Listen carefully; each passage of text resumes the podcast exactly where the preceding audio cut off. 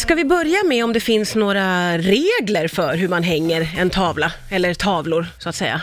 Ja, men alltså, eh, man får sätta sina egna regler tycker jag. Ja. Man ska upp med det ni vill få upp. Men däremot så kan man tänka till exempel att eh, det kan vara ungefär lika jämnt eh, mellanrum mellan tavlorna om man vill ha fler tavlor. Ja. Eh, det är lite harmoni när du sätter upp tavlorna. Eh, om du har många tavlor, om du vill göra den klassiska tavelväggen.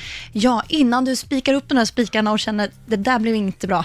Eh, lägg det på marken först och så kan man liksom forma om dem lite och ta kort Just. och eh, hitta rätt konstellation. Ja, ja. Och sen höjden brukar vara lite så här, hur ska man tänka kring höjden? Ja. Men man brukar säga ungefär mellan 80 centimeter och eh, 1,40 upp. Det beror på lite hur högt man har i tak. Okej. Men liksom från golvet. Så att de ska ändå upp lite så de inte hamnar för lågt ner om du ska ha flera tavlor. Och så. Nej, ja, just det. Eh, det är några klassiska Sen är det ju det där med att många är rädda för att få fula hål i väggen, eh, eller man kanske inte ens får spika hur som helst om man hyr.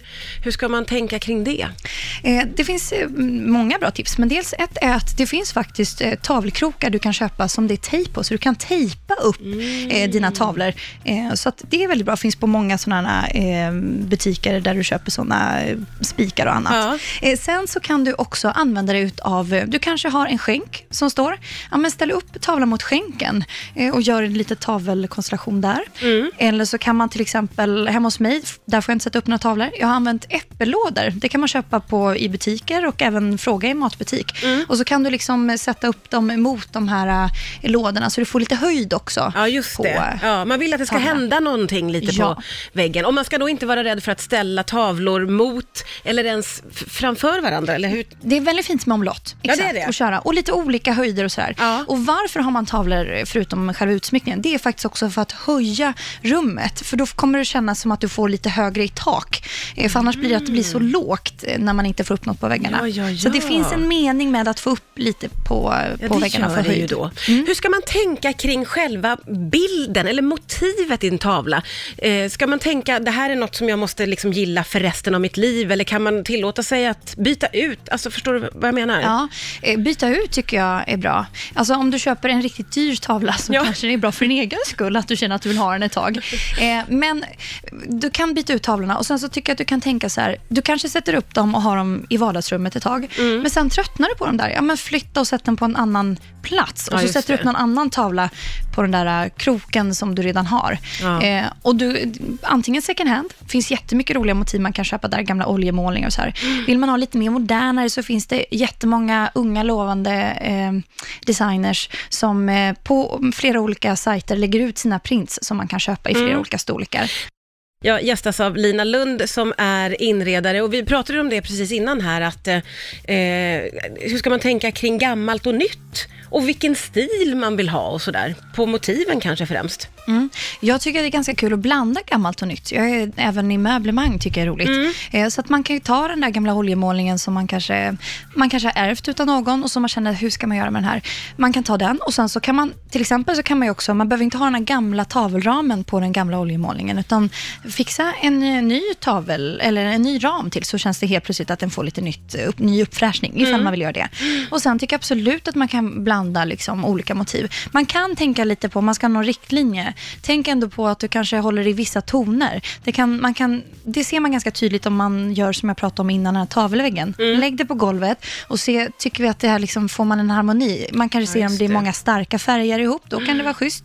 Är det för mycket starkt och sen är det lite nedtonade pasteller och så blir det väldigt mycket rörigt. Ja, ja, ja. sådär. Det ska vara skönt för ögat. Exakt. När man tittar. Exakt. Eh, jag har en bekant som sa att han byter inte ut bilderna, men han byter ibland ramarna Ja. på sina tavlor. Ja. Det är ju lite roligt, för det blir ju en förändring Absolut. naturligtvis också. Absolut. Och, och alla tavlor behöver inte heller ha ramar. Nej. Jag kan tycka att det är fint att bara liksom få upp själva tavlan utan ram. Men mixa lite. Mm. Ja. Och sen eh, om man ändå vill ha en ny ram och känner att jag vill inte ha den här, gamla, eller liksom den här klassiska ramen. Men gå ut, nu pratar mycket om second hand, men det finns så mycket fina gamla ramar där. Mm. Ja. Som man kan köpa till sina prints eller målningar man har. Du och jag pratade lite grann eh, under låten här om foto foton, alltså privata foton på väggen, vad tänker du om det?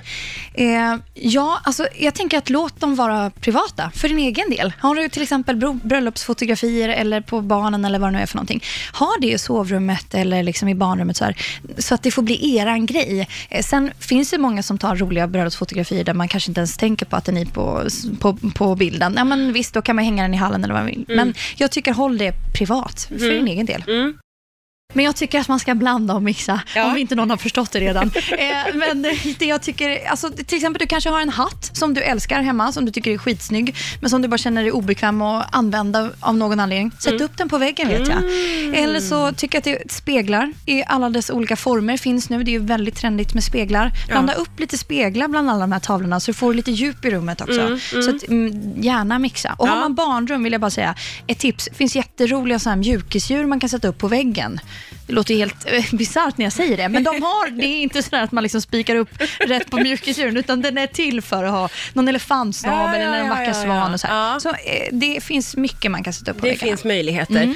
Och om vi rundar av med då eh, att kika på trender, finns det någon trend kring hur man liksom dekorerar sina väggar? Ja, men alltså det finns väl, om man tänker trendigt motivmässigt, så är det väldigt trendigt med ganska grafiska mönster, ganska abstrakta grejer. Mm. Nedtonade toner, det går lite hand i hand med väggtonerna som är just nu, att det ska vara mycket jordnära färger och sådär. Så mycket jordnära eh, färger, även i tavel, eh, tavlorna. Eh, så att, eh, ja. Och sen kan det också vara trendigt med att oljemålning, som bara är, där du har liksom, du kanske har en blå färg, så har du målat hela tavlan blå och sen har du bara lämnat ett litet hörn där du har gjort det svart. Jättekonstigt, men du vet, det är, liksom, det är en enda färg på själva tavlan. Och, och, sen något I det här vill jag också påminna om att man får bestämma själv hur man vill ha det Det hemma. tycker jag definitivt. Ta det du gillar. Det är du som ska titta på tavlorna när du kommer hem, så skit i det andra. Men inspireras utav det. Ja, underbart.